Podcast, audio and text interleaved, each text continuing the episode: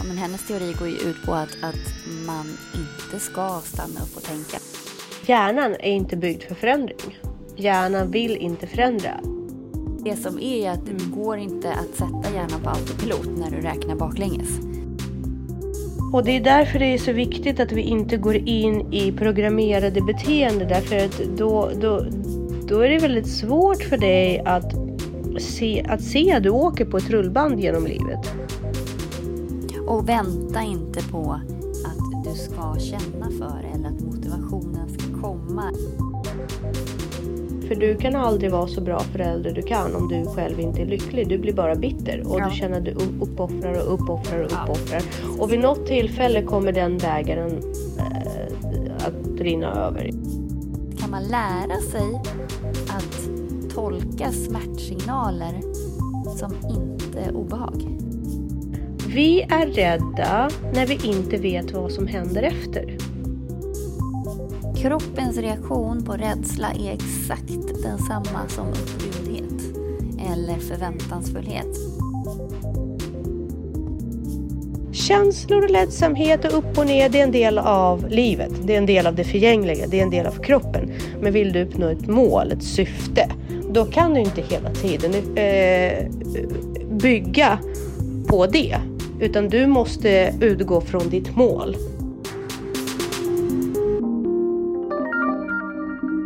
Hej Jessica! Hej!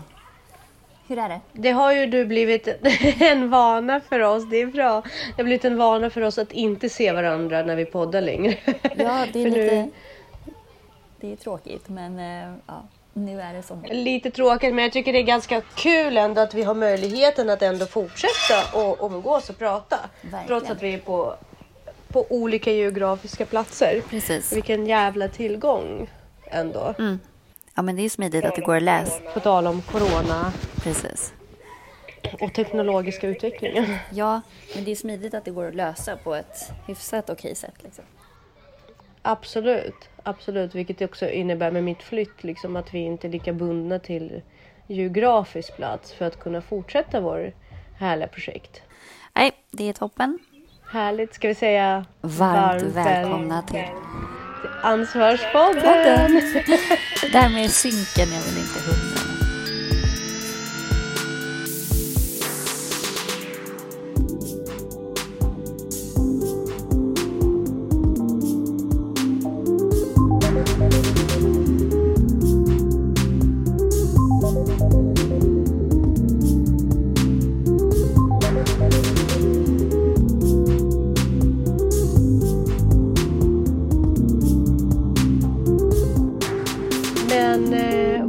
Prata om idag? Jo, men, eh, jag tänkte att vi ska prata om eh, bland annat en eh, metod som heter fem sekunders regeln.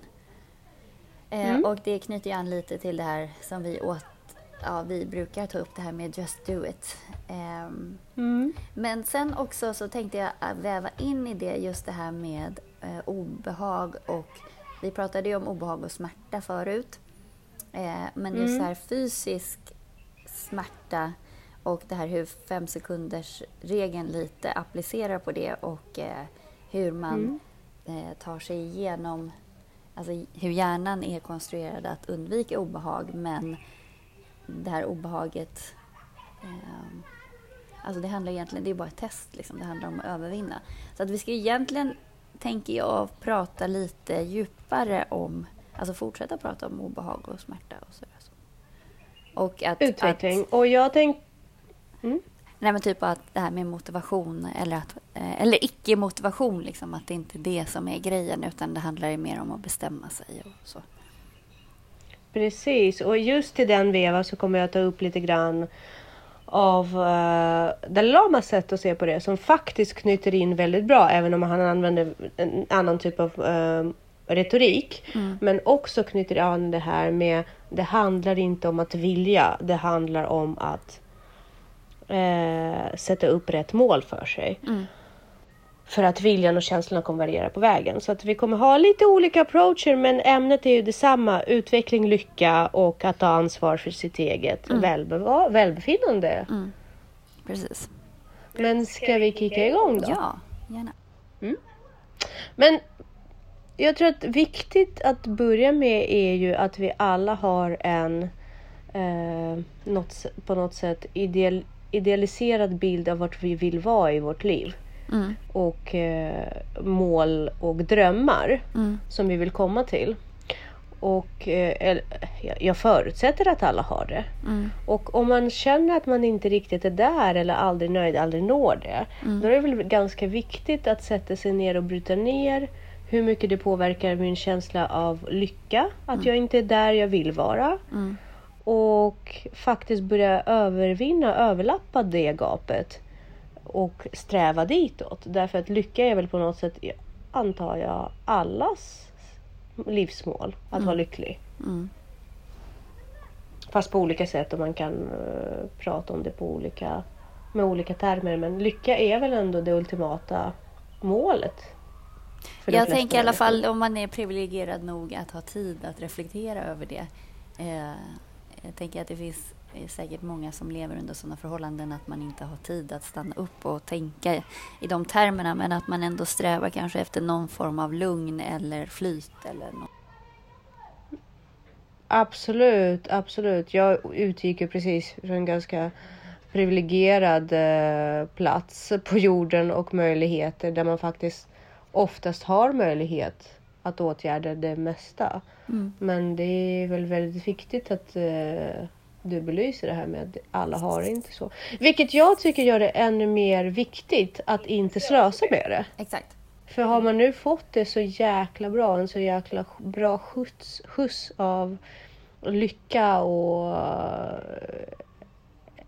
liksom just att vi, man har vunnit på Lotto genom att födas där vi är födda och ha de förutsättningar som vi har. Så kanske eh, vore sunt att utnyttja det. Jo men precis, men lycka hänger ju också ihop med den här tacksamheten. Mm. Eh, så att, känner du ingen tacksamhet så blir det nog svårt att känna lycka också. Precis, så utgångspunkten är ju att vi redan är väldigt privilegierade och har väldigt mycket att tacka för så som det är. Men jag tänker också att lyckliga människor, det har vi pratat om, men du, ansvaret är att bli så lycklig du bara kan har inte heller bara med dig själv att göra egentligen. För att när du är lycklig då har du lättare för det här bägaren att svämma över. Och att du på ett naturligt sätt, ju lyckligare du är kommer bidra till att andra människor känner likadant. Precis. Kan jag tänka mig. Absolut. Att det blir en naturlig utveckling.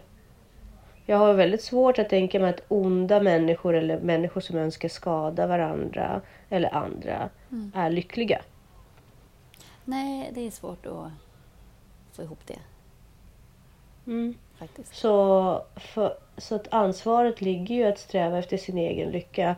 För då har man ju också det, de bästa förutsättningarna att få andra människor att komma dit också. Exakt, och makten över det. Så. Men eh, Precis. den här fem sekunders teorin handlar ju mycket om att egentligen inte tänka så mycket. Eh, det finns ju Mm. en tjej som heter Mel Robbins som har då eh, myntat det här, eller vad man ska säga, även om, om själva teorin har ju funnits tidigare. Eh, ja, men hennes teori går ju ut på att, att man inte ska stanna upp och tänka. Och hon, det började med att hon, hela hennes liv började falla i bitar. Ekonomin eh, föll sönder. Eh, hennes, och då blir man ju inte så härlig människa när man blir så stressad. Så det påverkade ju relationen. Så hennes Precis. äktenskap höll på att rasa sönder. Eh, de hade en massa lån på huset för att de hade startat en restaurang där de hade lagt in alla pengar och sådär. Eh, och hon Mm. märkte ju att hon blev ju mer osympatisk och sådär. Och så någonstans sitter hon ner en kväll och ska gå och lägga sig och så ser hon en reklamfilm på tv med en raketuppskjutning och så räknar man ner från 5, 4, 3, 2, 1, kör. Och hon har ju försökt Mm. så många morgnar att gå upp och hon bara snosar på, med snusknappen och hon börjar dricka och sådär. Men då, det här tog tag i henne så att då tänkte hon verkligen så här imorgon så ska jag vara snabbare än att jag hinner känna efter. Så jag ska bara 5, 4, 3, 2, Mm. 1, 0. Kör. Och det vet man ju alltså när man var liten och skulle hoppa från eh, tian på, på, vid Fågeludde till exempel. Att man bara ett, Mm. två, tre, på det fjärde ska det ske, på det femte, på, att man liksom hijackar hjärnan så att den inte hinner. Mm. Ehm, Eller Precis. att man säger tre, två, ett, kör. Och det som är att Mm. det går inte att sätta hjärnan på autopilot när du räknar baklänges. Eh, så då, då hijackar man Mm. den och eh, tar över den. Och då har man ett fönster på fem sekunder typ. Eller det är de här fem sekunderna som man har att agera på. Eh, och Mm. så gjorde hon det. Och sen har det bara liksom flutit på. Och hon kör ju det här genom att hantera sin stress och sin ångest och sådär också. Att hon leder in tanken. Så att när tanken börjar tänka de här vanemönstren eller de här olyckstankarna eller så. Det har vi också pratat om. Just det här en tanke Mm. som en, en, ett, ett vanemässigt tänkande som är mycket av ångest och depressioner och sådär. Att man hijackar tillbaka och bara okej, vänd tanken, rikta om. I och med att tanken föder ju känslan. Så att tänker du annorlunda så känner du Precis. annorlunda. Och det, det som fascinerade mig ganska mycket i hennes eh, berättelse var ju också att hon tar upp det här med att vi, hjärnan är inte byggd för förändring. Nej. Hjärnan vill inte förändra. Hjärnan ser att du mår bra och den gör allt Mm. för att du ska befinna dig i det här tillståndet av att må bra. Mm. Och alla förändringar hos oss kan ju potentiellt innebära en risk där du hamnar i ett sämre läge. Mm. Därför programmerar du dig själv eh, omedvetet att eh, sträva efter bekvämlighet och gärna en icke-förändrande livsstil. Mm. Och det sätter igång så himla mycket just programmerade effekter hos dig så du tänker inte ens till slut. Det är som att åka rulltrappa. Du bara, Mm. du bara är i ett spår och du kör på.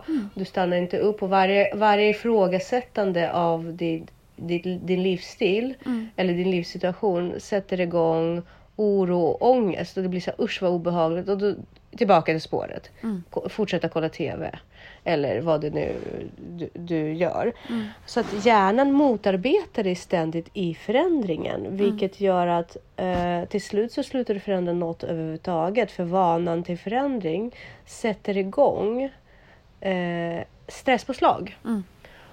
Och stresspåslag sätter ju igång eh, olika typer av hormoncocktail Mm. som gör det väldigt, väldigt obehagligt. Så det blir så adrenalin i obehagstillstånd Precis. som, som man egentligen inte vill åt. Nej. För den är, är man ovan ju mer ovan man är vid det, desto, desto mer obehaglig den känns. Mm. Det, det finns ju ett stänk av panikångest i det. Mm.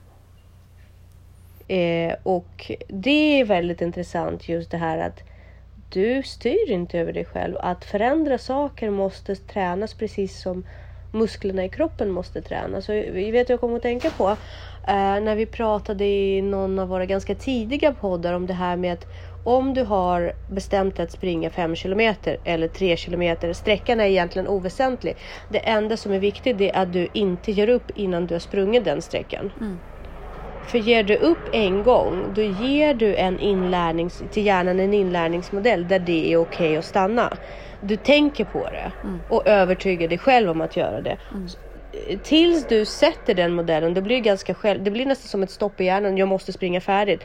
Men om du väl stannar någon gång, Mm. då är den mekanismen igång och då kommer det liksom, det kommer alltid vara ett alternativ. Mm. Det är ungefär samma, tror jag, Ja, där då som kickar in. Ja. Att man inte ska ge sig själv ett alternativ. Och en annan sak som vi, tänk, vi pratade om det är att om du har bestämt dig för att träna. Tänk inte på det under dagen. Nej, det, är, det beslutet är redan taget. Det är ingenting som kan kompromissas bort eller eh, kännas efter. Utan är det bestämt att det är träning, då är det träning. precis. För det är det som är nyckeln också, pratar hon om, det här att känna efter. Så fort du börjar känna efter Mm. Så Mm. vill hjärnan dra sig mot det enkla. Så det är därför man inte ska Precis. känna efter så mycket. Sen ska man självklart Precis. lyssna på kroppen om det är så, men att man inte... Är det någonting som, som inte... Det finns inga hinder eller vad man ska säga, någonting som du faktiskt vill Mm. göra, då är det bara att göra det. Ehm, Exakt. så att nej, hon Exakt. har ju, har ju massa poänger i det där. Men också att man, som du säger, lär hjärnan. Mm. Man måste bara göra vissa saker. Det var, jag tänkte också på det i samband med äh, häromdagen så träffade jag en man som fick höra lite grann om mitt flytt nu och att jag inte har körkort, att jag flyttat ut till landet utan har bott i ett hus och så vidare och så vidare.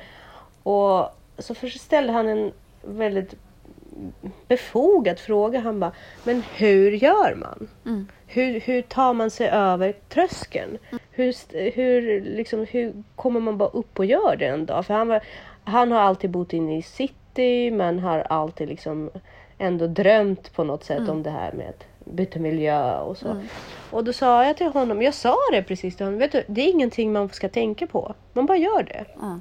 Man bara metodiskt jobbar bort eh, tankeprocesserna kring det annat än att vad är nästa steg för att jag ska göra det? Vad är nästa steg? Och inte på något sätt tvivla. Mm. Eller börja ifrågasätta. Mm. Utan har du, alltså i mitt fall har jag har ju känt det så länge. Jag har velat det så länge. Det har varit en dröm så länge. Mm. Och ett mål så länge. Mm. Så det enda som stoppade mig var ju just det här att börja känna efter och tänka efter och tvivla. Och till slut var jag trött på det så att allting som, som handlade om att det kanske inte funkar, det eliminerade jag bara. Mm. Jag eliminerade alla, obe, alltså alla, alla saker som inte kommer funka och, det, och även att sätta sig in i den situationen. Den dagen, den sorgen. Liksom. Mm. Jag kan inte förutspå allting som kan gå fel. Nej. Men när jag väl har det på min tallrik, då kommer jag också ha andra möjligheter att lösa det. För att det kommer inte bara problem, det kommer också möjligheter med varje steg man tar framåt. Mm portar öppnas upp och så vidare. och Så vidare. Mm. Så att det, det, är bara att göra vissa saker. Om du vill starta ett företag, sitt inte och fundera så jävla mycket om det kommer gå runt. Nej. Det är väl klart att det kanske är dumt att bara börja med att investera en halv miljon i någonting som ett fält som du inte känner till. Det är inte riktigt det vi pratar om heller Nej. här, eller hur? Nej, men, men sätt dig ner och gör lite research då. Liksom. Mm. Precis. Och registrera ett företag. Gör det. Bara registrera ett företag. Namnet spelar inte så stor roll. Det kan man alltid ändra efterhand om det nu skulle bli ett problem eller någonting. Gör det. Registrera det och sen så ser du var det leder och sen så, så planerar du in vad är mitt nästa steg. Mm. Vad är mitt nästa steg? Och varje gång den här krypande ångesten kommer du börjar så fundera, men går det? Vad är det jag sysslar med? För ibland kommer det här, men det här är ju inte du. Sluta nu, sitt ner i båten. För det kommer! Hjärnan är ju som vi pratar om, det är ju programmerat så. Skit i det. Kör på. Och vänta inte på att du ska känna för eller att motivationen ska mm. komma eller imorgon ska jag träna eller så. Utan bara skriv mm. in det och bara gör det. Precis som man besiktigar mm. bilen eller går till tandläkaren om man har en bokad tid går man inte och känner efter mm. så mycket. Och så måste det ju vara med väldigt mycket. Men jag tänker också på, det finns en kille som heter David Goggins eh, som är så här, alltså han har väl gjort allt man kan göra inom, i, ja, han har gjort alla de här tuffa grejerna i US Army och Navy Seal och mm. sådär. Eh, och eh, han är ultralöpare och triatlet och hej och hå. Eh, och han pratar ju mycket om det här liksom att eh, the impact theory. Att, liksom, att, mm. att smärta och obehag är egentligen bara ett test. Det är livets test. Och att mm. han så här, men okej, men vem... Om, om, om någon ska göra de här jobbiga grejerna, så här, vem ska göra det? Det är klart jag ska göra det. Mm. Att han liksom sätter sig mm. själv så här, jag löser det här, jag ska göra det här, jag tar ansvar för mm. att det här blir genomfört. Um, och hans, just det där med att smärta, vad är smärta egentligen? För det, kan jag, det har jag tänkt mm. på väldigt mycket när, när vi pratar om smärta eller så här, ja men jag har ont i ryggen typ. Och sen så tänker mm. jag efter så bara, nej men nej jag har inte ont. Det är som att min kropp reagerar som om det vore ont. Men det är ju ingen skärande smärta liksom. Eller så här, jag har ont i mm. foten, jag kan inte stödja på foten. Men det gör inte ont. Det är bara att kroppen reagerar som om det gjorde ont. Eh, och mm. just där, vad är smärta? Att lära kroppen, alltså verkligen känna efter så här, är, jag mm. känner ju att någonting är fel och jag känner att jag inte kan stödja på foten.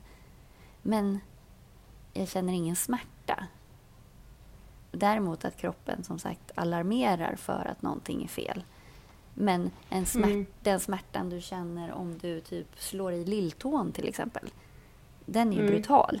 Eller om du slår i knät jättehårt. Eller förlossning. Alltså där har du ju smärta. Eh, Men väldigt många gånger när, när man säger spontant att jag har ont. Det gör ont. Så, nej, det, nej, det gör inte ont. Men kroppen signalerar ju någonting. Och också att man, det är ju bara en känsla. Att man, vad är det som säger att, att det är obehagligt? Kan man lära sig att tolka smärtsignaler som inte obehag? Förstår du hur jag tänker? Jag förstår hur du tänker. Det är alltså att om, om man är tillräckligt van vid vissa känslor eh, och vet vart de leder, att de inte leder till eh, liksom död, död, eh, dödsfall och, och men för livet, då, blir, då avdramatiserar man också känslan kring dem. Mm. Uh, för att ofta när man har ont, då blir det ju samma påslag av adrenalin och kortisol och allt det där. Mm. Uh, som, som får din hjärna att sluta tänka på ditt mål. Mm. Och vill inte pressa inför förändring. Och där, jag tror att om man förstår den mekanismen, då kan man ju faktiskt tänka bort det mesta. Eh, jag pratade förra gången med det att ofta när mina sämsta personlighetsdrag eh, kommer, kickar in och min känsla av kontroll, som jag, att jag förlorar kontroll och blir för impulsiv. Oftast är det trötthet. Mm. Det är tröttheten som gör att jag släpper på det logiska. Mm. Och slutar processa vad det är som händer. Och då går jag på autopilot och då hamnar jag i dåligt beteende och så vidare. Och så vidare. När man väl har förstått det. Mm. Så säger jag bara, jag måste vila. Mm. Vila. Och när jag väl har vilat, då tar jag besluten. Då gör jag, då avslutar jag eh, bråket eller konflikten som eventuellt har på eller löser problemet eller vad det nu kan vara. Men det är, vikt, det är en förutsättning för mig. Mm. För jag funkar inte när jag är trött. Nej. Uh, hur jag återhämtar mig, bla, bla, det måste jag ta ansvar för. Jag behöver en disciplin i mitt liv som gör att jag är så lite trött som möjligt. och att jag lägger min energi på rätt saker. Och det är nog samma sak med smärta. Mm. Eh, om du vill pusha framåt, mm. då kan du inte räkna med att du inte kommer ha ont. Nej. Du måste ta det i beräkning. Du kan inte på ett fysiskt sätt antar jag då. Men jag, jag, jag tränar ändå en del. Jag fattar att vill jag ha utveckling då måste jag få träningsverk. Mm, det, det, kommer med. Jo, om jag tränar utan att få träningsverk. Ah. Jo men precis, men om jag tränar utan att det utlöser träningsverk dagen efter mm. eller kanske precis efter träningen eller att, eh, eller att min humör faller jättemycket för jag är så jäkla trött. Då har inte jag tränat för att uppnå min mål, mitt mål. Jag har tränat för att upprätthålla mitt mål. Mm. Eller på min form, absolut. Mm. Men om jag vill pusha, då måste jag igenom en smärttröskel. Mm. Och den biten är ju viktig för folk att förstå. Att mm. smärta är en förutsättning. Mm. Det är ingenting som du kan räkna bort med om du har ett mål som ligger utanför din komfortzon. Mm. Som förutsätter en utveckling. Det jag tycker är coolt också med den här fem eh, sekunders regeln är just också en grej som hon säger att så här, you're one decision away from a completely different life. Att allting ja. handlar ju bara om ett beslut. Mm. Eh, och det är ju rätt häftigt också. Och hon lyfter ju det här att kroppens reaktion på rädsla är exakt densamma som upprymdhet eller förväntansfullhet. Mm. Så att om, om eh, Kroppen, kroppen vet ingen skillnad på det. Så att, att mm. man inte blandar ihop det heller. Att när man är så nervös och man ska göra någonting som man ändå tycker är kul, att man är så både nervös och liksom spänd och förväntansfull. Mm. Eh, att den stressen som kroppen utsätts för eh, mm. är ju exakt densamma. Eh, Absolut. Och, och, det är rätt häftigt att man liksom ibland, som du säger det här, att ibland när du bara är trött så mm. tolkar kroppen det som ångest. Alltså mm. Det är väl lite samma också. Om man tittar på ett djur som får ångest kan ju börja gäspa och göra överslagshandlingar. Mm. Och, Precis. och att man också här, man kan ju känna sig hungrig fast man egentligen bara är törstig till exempel. Eller att man är sugen mm. på någonting men man är egentligen bara törstig. Att det är så viktigt att tolka kroppen rätt. Mm. Absolut. Absolut. Och det kan man ofta inte göra när man är i en hektisk miljö och inte hinner researcha sig själv. Mm.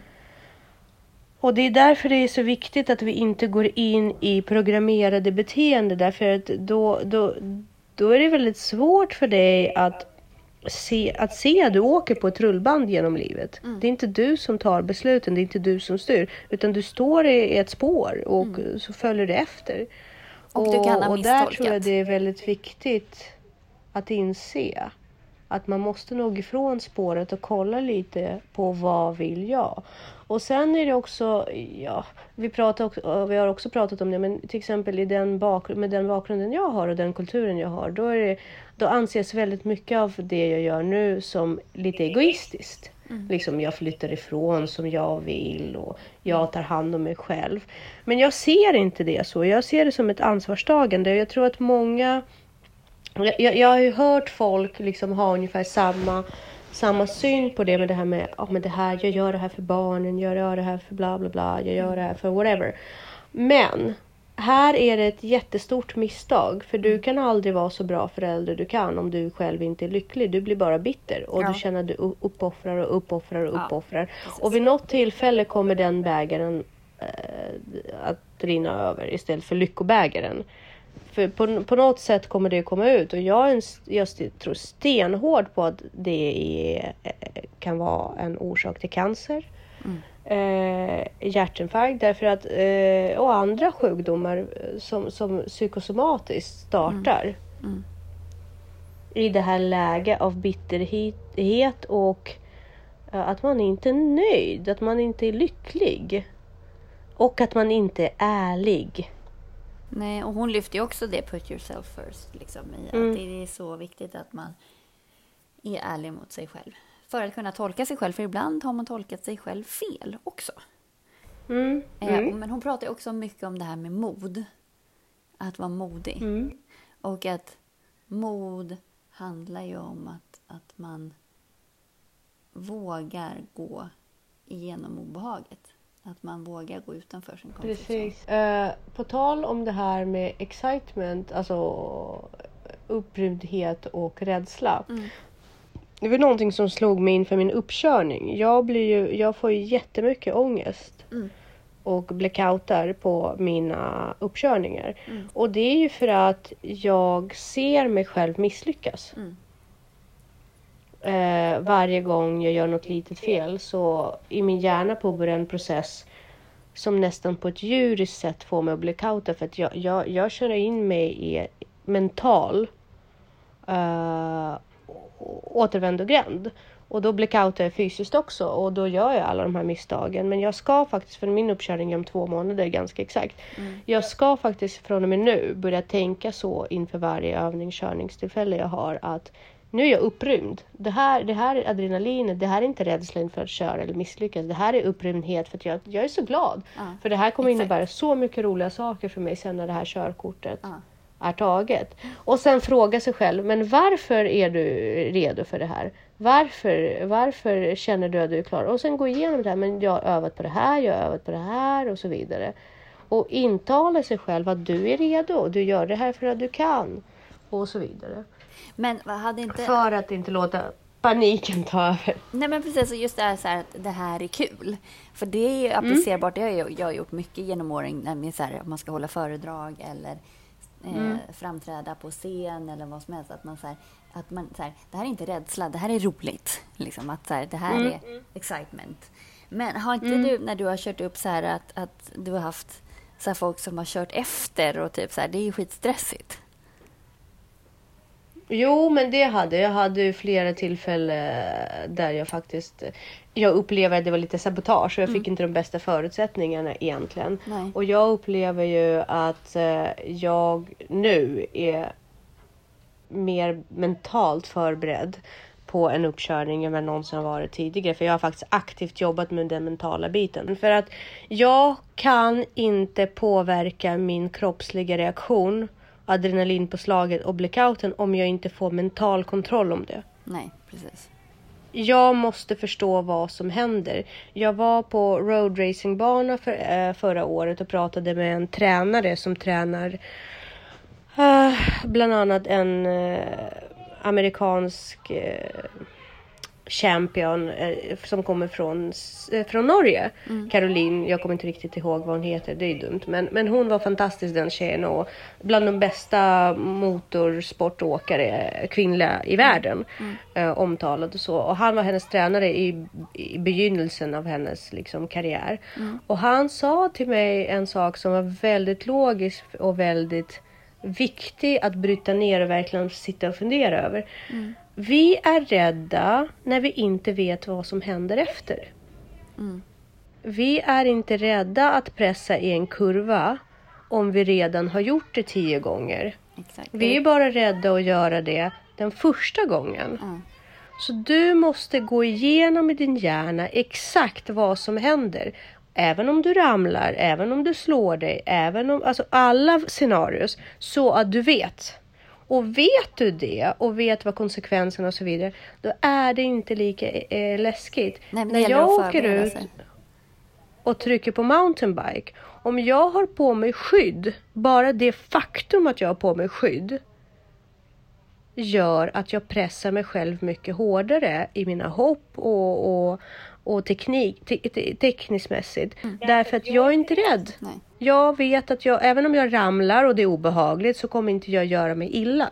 Men, men du kan ju på ett logiskt sätt med dig själv faktiskt dels bryta ner utvecklingen i små, små, små, små, små steg. Mm. Så du hinner vänja dig. Och dels faktiskt vara förberedd och veta och lära dig vad händer efter. Precis. Uh.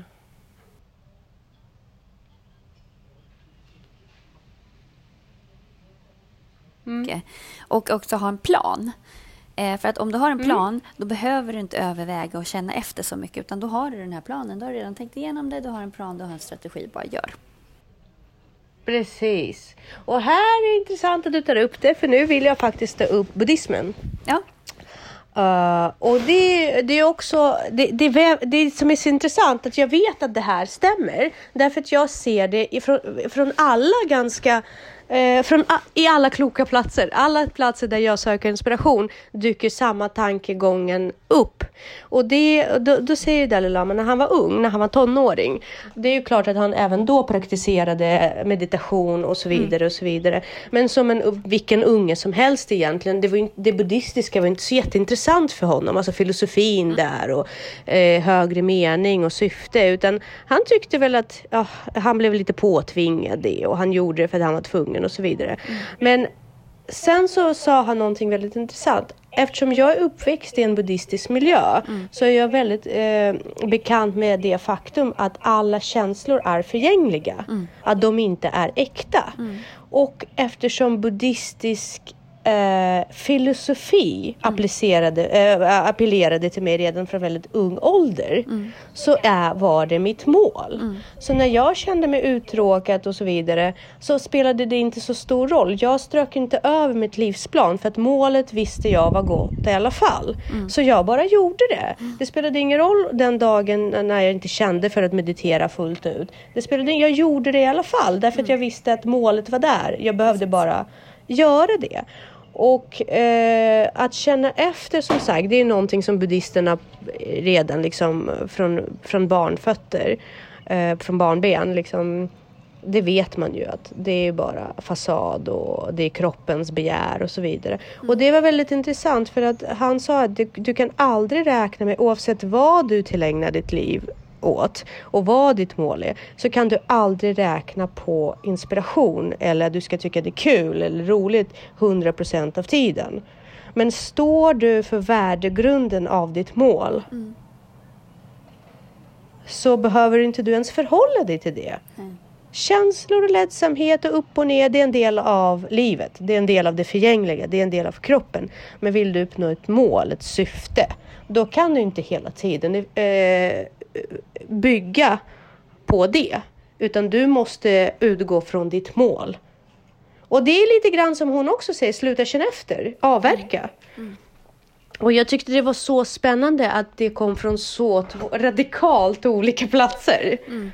Precis. Men det är väl så med teorier som funkar, då dyker de upp på olika ja. håll i olika varianter. Så att vi får väl slå ett slag Precis. för det här att eh, tänk inte för mycket. Sätt ett mål. Nej, men ha, och, det, det, och där, bara för att knyta ihop det lite med vår resa som vi gör i vår podd, så har vi pratat om att en värdegrund är ganska viktig din egen privata värdegrund, att sätta det och ha det som livsmål. Ja, men jag vill vara en tränande människa. Det ingår i min värdegrund att behandla min kropp väl. Det ingår i min värdegrund att behandla andra med respekt. Så även de dagar när du är på dålig humör eller eh, irriterad så kommer inte du lätt eh, bryta ut mot en annan människa och börja skrika och gapa därför att du vet vad ditt mål är och du vet att dina känslor inte ska påverka det. Och, du, liksom, och det är enklare, det är det som är grejen. Mm, exakt.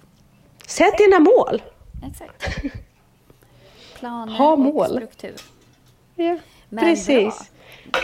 Vi sätter punkt där. Kä Men eh, toppen. Men eh, du får ha det så bra så hörs vi.